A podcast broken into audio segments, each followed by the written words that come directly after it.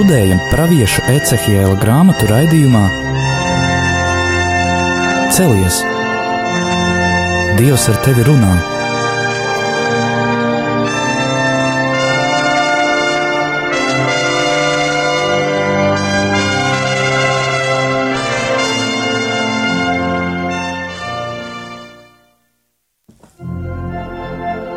Slavēts Jēzus Kristus, mūžīgi mūžos slavēts studijā Stela un Anžela.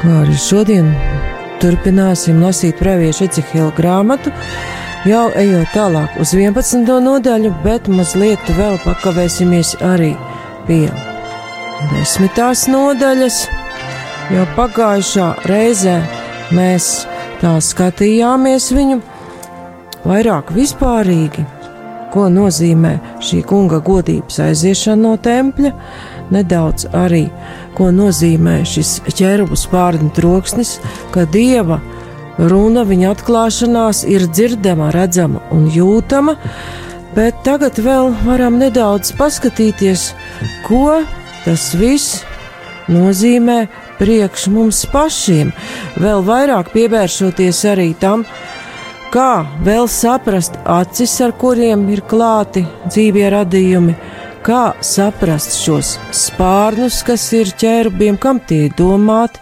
arī tās it kā rokas, kas ir zem spārniem.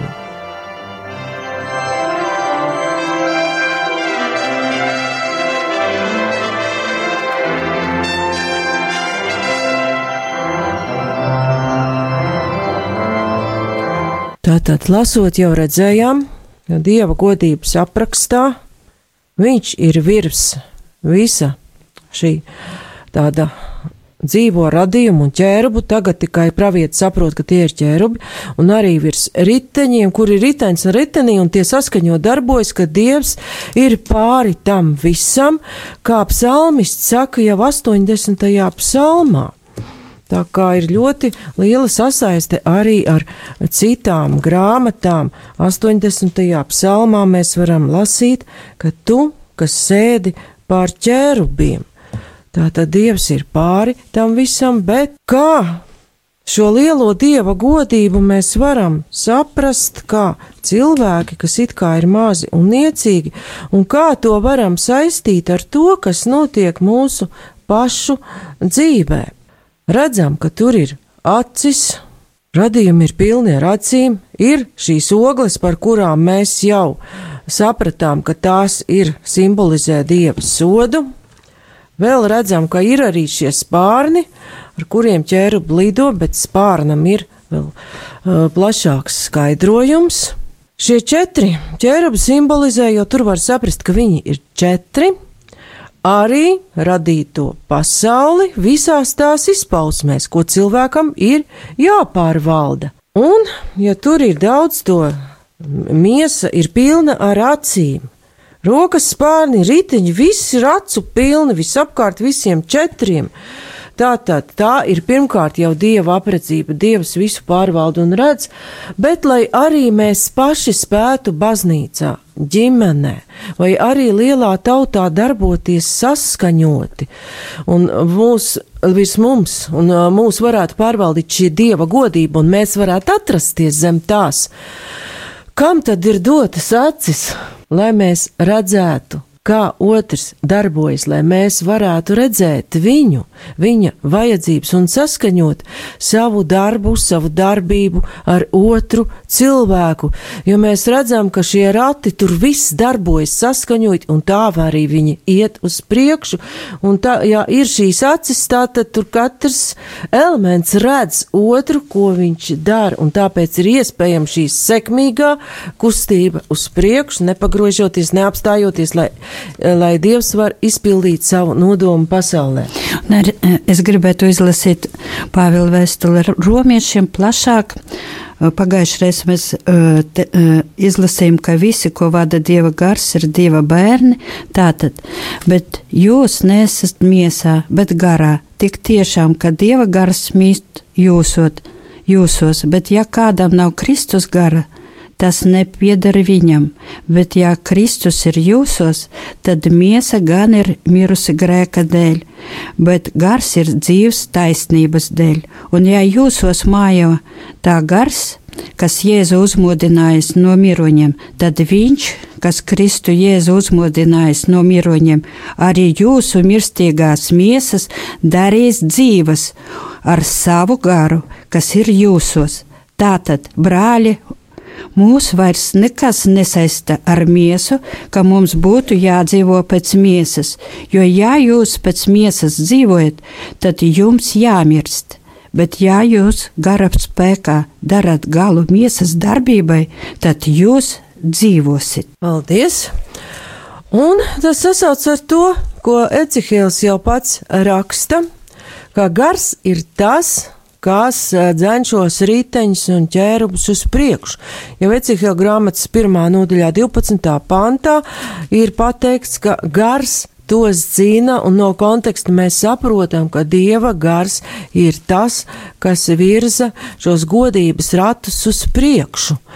Un, un jaunās derības kontekstā mēs jau saprotam, ka tās četras dzīvās būtnes ķērubi, tur ir šīs četras sejas, atbilst četriem evaņģēlījiem, kas iziet pa visu pasauli, lai paveiktu savu darbu, un cilvēki varētu dzīvot tā, kā raksta apustulis Pāvils.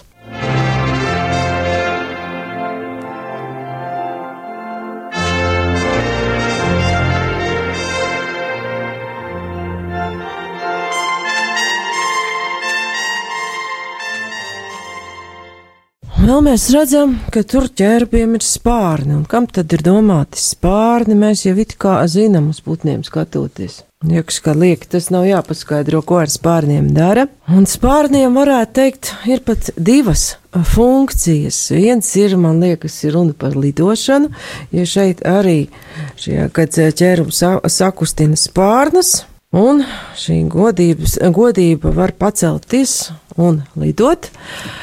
Un vēl ir šis izteikums uh, dievu spārnu ēnā. Tātad divējādi spārni ir tie, ar ko var doties uz priekšu, un spārni ir tas, zem kā var paslēpties un pasargāt.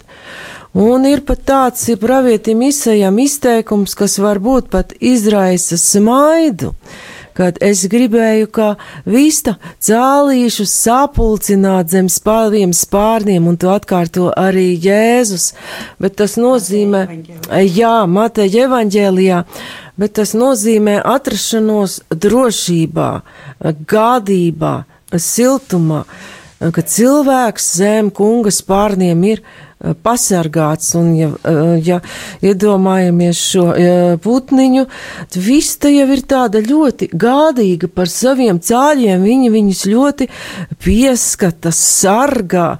Un tur eh, svētajos rakstos izlien tā problēma, ka cilvēks pats nav vēlējies būt tas pasargātais cālis zem kunga spārniem. Jā, mēs arī varam izlasīt uzreiz Mateja evaņģēliju. Jeruzaleme, Jeruzaleme, Tu, kas nokauj praviešus un nometā ar akmeņiem tos, kas pie tevis sūtīti, cik reižu es gribēju sapulcināt ap sevi tavus bērnus, kā vista sapulcina savus cālīšus apakš saviem spārniem, bet jūs negribējāt.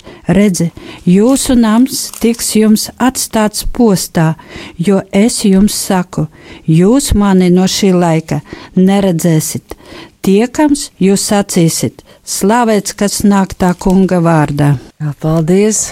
Un šeit mēs arī dzirdam šo slavēts nāk kunga vārdā, un mēs to dzirdam ļoti bieži. Liekas, arī atceries, kur. Tā tad arī misē skan daudz vārdu no svētajiem rakstiem, arī no vecās derības. Un te mēs sapratām šo arī sargājošo, bet izsais 40. nodaļā, 30. 31. pantā saka vēl citus vārdus par spārniem. Jau varam lasīt no 29. panta izsē grāmata 40, 29. panta. Viņš nogurušajiem dod spēku un vairo stiprumu nespēcīgajiem. Jaunekļi piekūst, piekūst un pagurst, un jauni vīri sabrūk bet kas paļaujas uz to kungu, tie dabū jaunu spēku, tā, ka viņiem aug jaunas spārnu vēdas kā ērgļiem, ka viņi skrien un nepiegūst, ka viņi iet un nenogurst. Tātad šeit ir spārni, lai dotos izpildīt kunga uzticēto uzdevumu.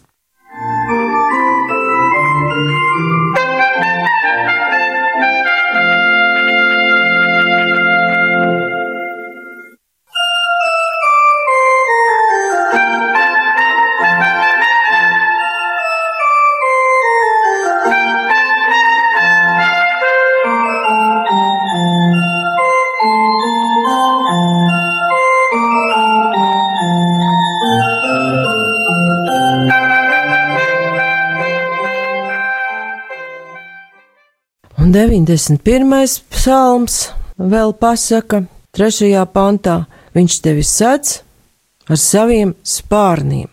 Tad cilvēks, kas izvēlējies kunga patvērumu, tad viņš darbojas kunga patvērumā.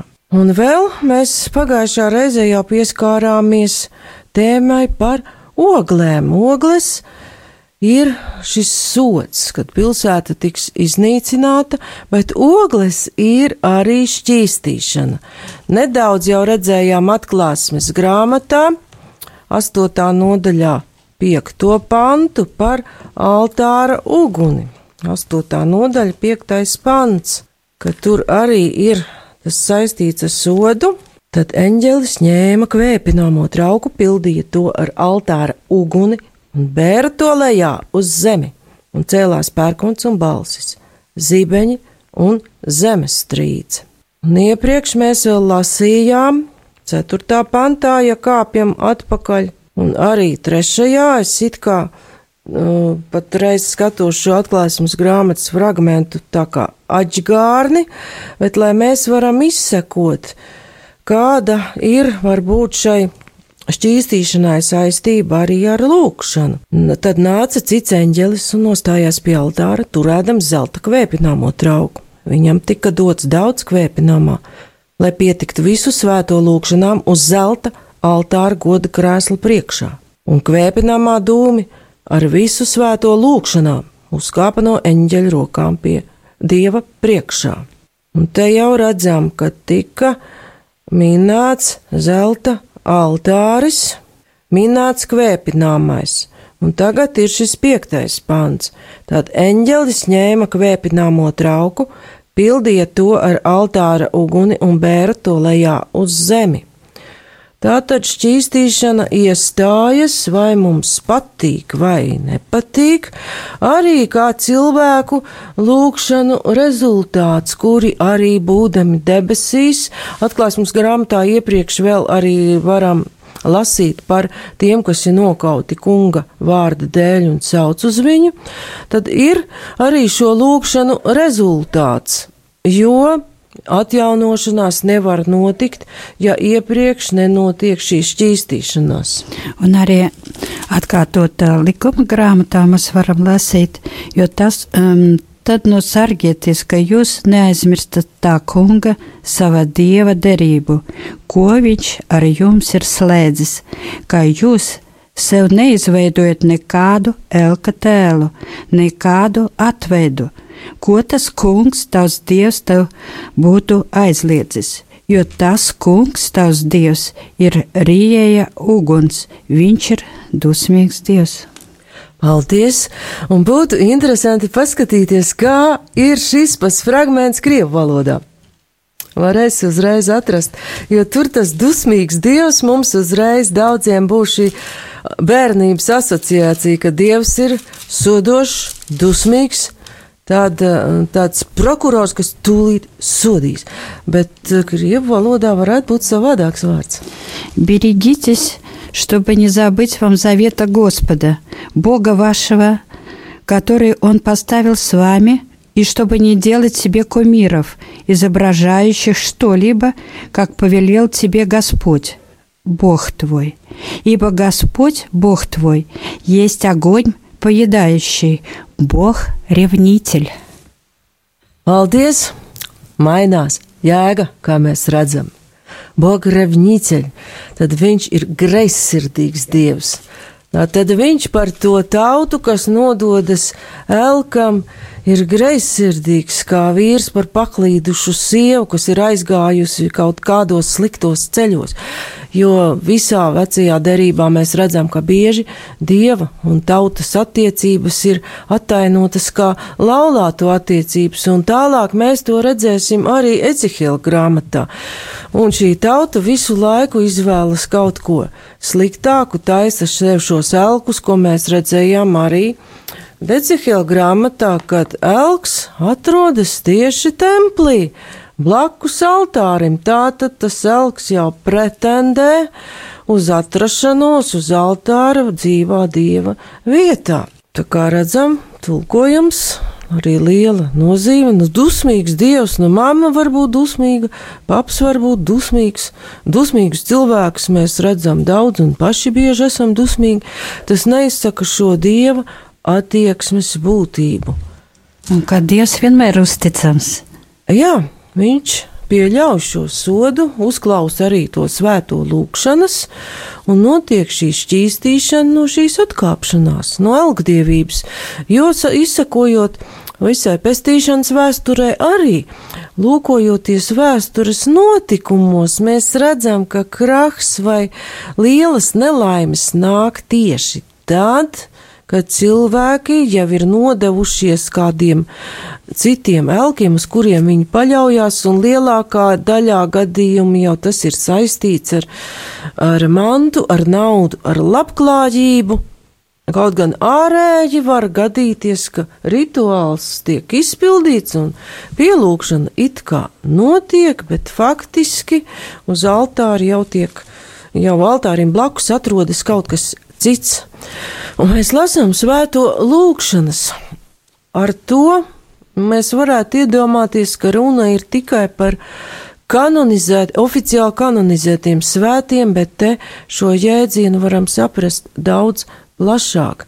Jo oficiāli kanonizēta katoliskajā baznīcā ir nu, 250 vai nedaudz vairāk, kaut kur bija tas saraksts šo cilvēku, bet tas nenozīmē, ka tikai viņi ir dzīvojuši svētu dzīvi un ka tikai viņiem sāp sirds un viņi lūdz kungu, lai viņš šķīstī par to, kas notiek pasaulē. Mēs varbūt pat līdzās zinām šādus cilvēkus. Mēs zinām, cik daudz bija svētu un taisnīgu cilvēku, kuri gāja bojā arī totalitāro režīmu nometnēs, Pat konkrēts piemērs varbūt daudz ir lasījuši arī par priesteri Vladislavu Litaunieku, kura dzīve un nāve apliecina kungu, bet viņš oficiāli nav atzīts par svētu. Tā tad ļoti liels pulks ir šo svēto anģelu, saka, pagaidām, cerams, ka tā arī varētu būt. Liels pulks ir to, kas lūdzas, lai zemes un tautas tiktu šķīstītas no šī algdievības posta, kas notiek arī tagad. Un ar ko vēl var ogles saistīt? Šeit var to izlasīt arī kā Jēzus Kristus nākšanas priekšpaslidinājumu, jo, kā jau iepriekš minēju, vīrs baltajā tērpā, kas staigā starp ķērbiem, ņem šo uguni, ir pat jaunās derības gaismā izprotams kā pats mūsu kungs Jēzus Kristus. Un tur ir ļoti interesanti tas, ka atšķiras tas teikums, ko viņam ir pavēlēts ņemt un ko viņš faktiski arī saņem. Sākumā mēs redzam, ka viņam ir teikts ņemt ogles, kas ir starp ratiem. Viņš teica tam vīram, kas bija ģērbies līnaudeklā, ej un ņem kvēlošas ogles, pilnas caujas, kas ir ķerubiem viņa ratu riteņu starpā un kaisi ogles pār pilsētu. Bet tālāk jau ir mazliet savādāk. Desmitajā nodaļā un sestajā pantā un tālāk mēs lasām. Un kad viņš bija pavēlējis tam vīram, kas bija tērpies līnu audeklā ņemt uguni, no telpas starp ratu riteņiem, starp pašiem ķerubiem, tad tas gāja un nostājās pie viena riteņa. Tad viens no ķerubiem izstiepa pats starp, starp diviem citiem savu roku pēc tās uguns, kas bija telpā ķerubu starpā. Viņš ņēma no tās un deva to līnu audeklā tērptajam vīram, tas paņēma to un aizgāja. Bet sākotnēji ir runa par oglēm, bet baltā tērptais vīrs ņem uguni un aiziet. Un par Jēzu mēs varam lasīt. Viņš pats saka Lūkas evanģēlijā 12. nodaļa, 49. pants, ka viņš ir atnācis nest uz zemi uguni.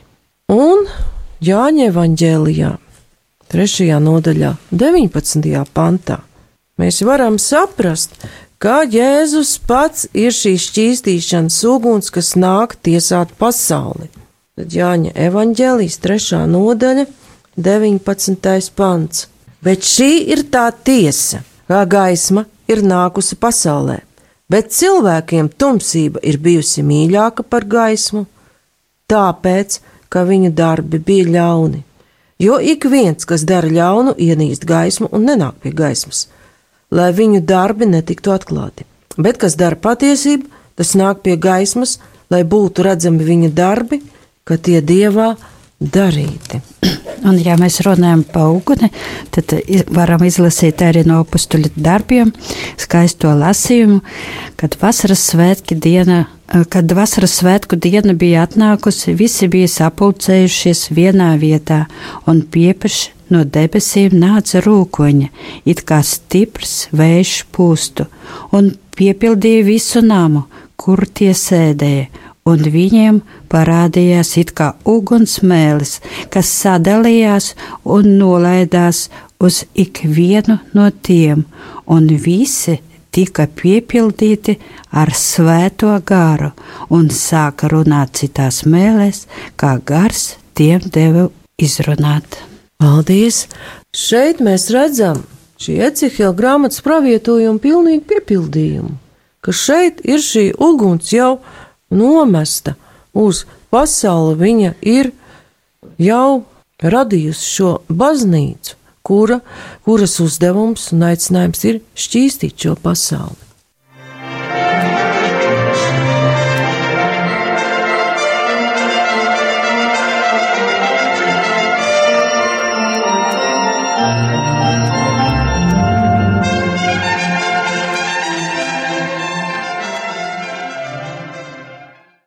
Un vēl par ogli nedaudz jau mēs tam pieskāramies pagājušā reizē, ka ogle ir šī šķīstīšana, kas dara cilvēku gatavu praviešu uzdevumam, un par to mēs varam lasīt izsai grāmatā, sestajā nodaļā. Un tas, kas tur ir teikts, attiec ne tikai uz viņu, bet var teikt uz katru baznīcas piederīgo. Tad izsēja grāmata, sestā nodaļa.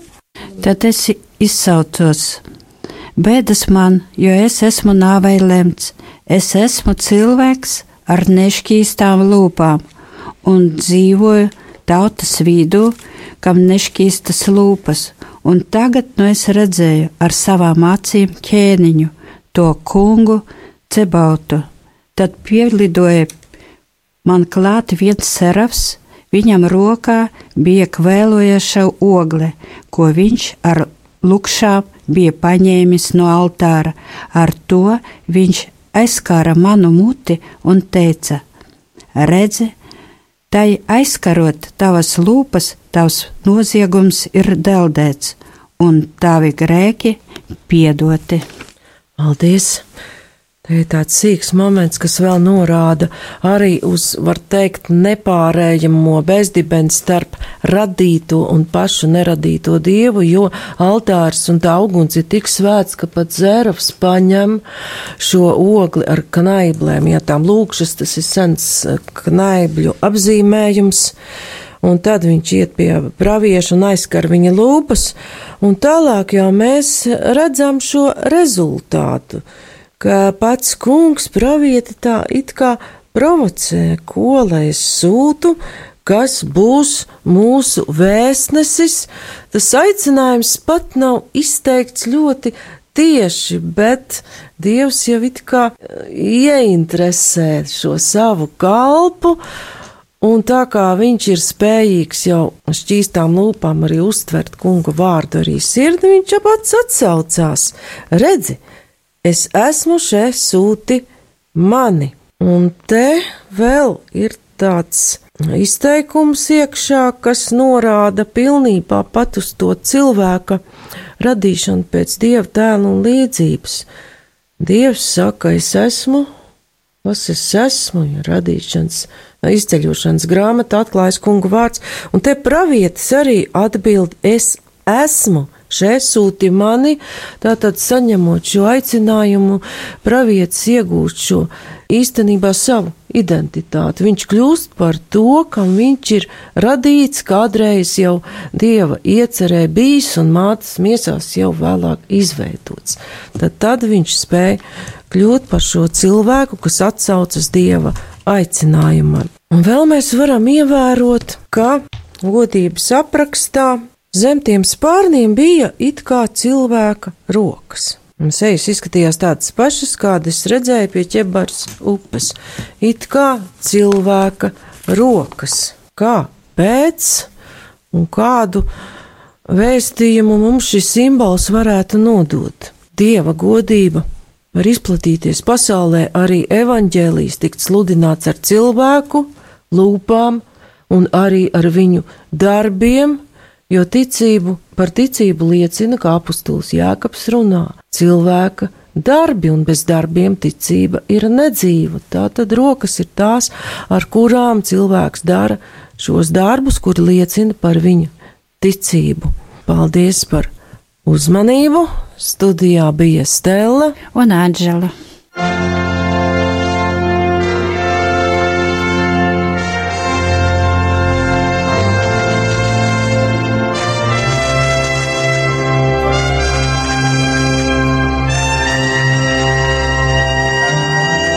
Izskanēja raidījums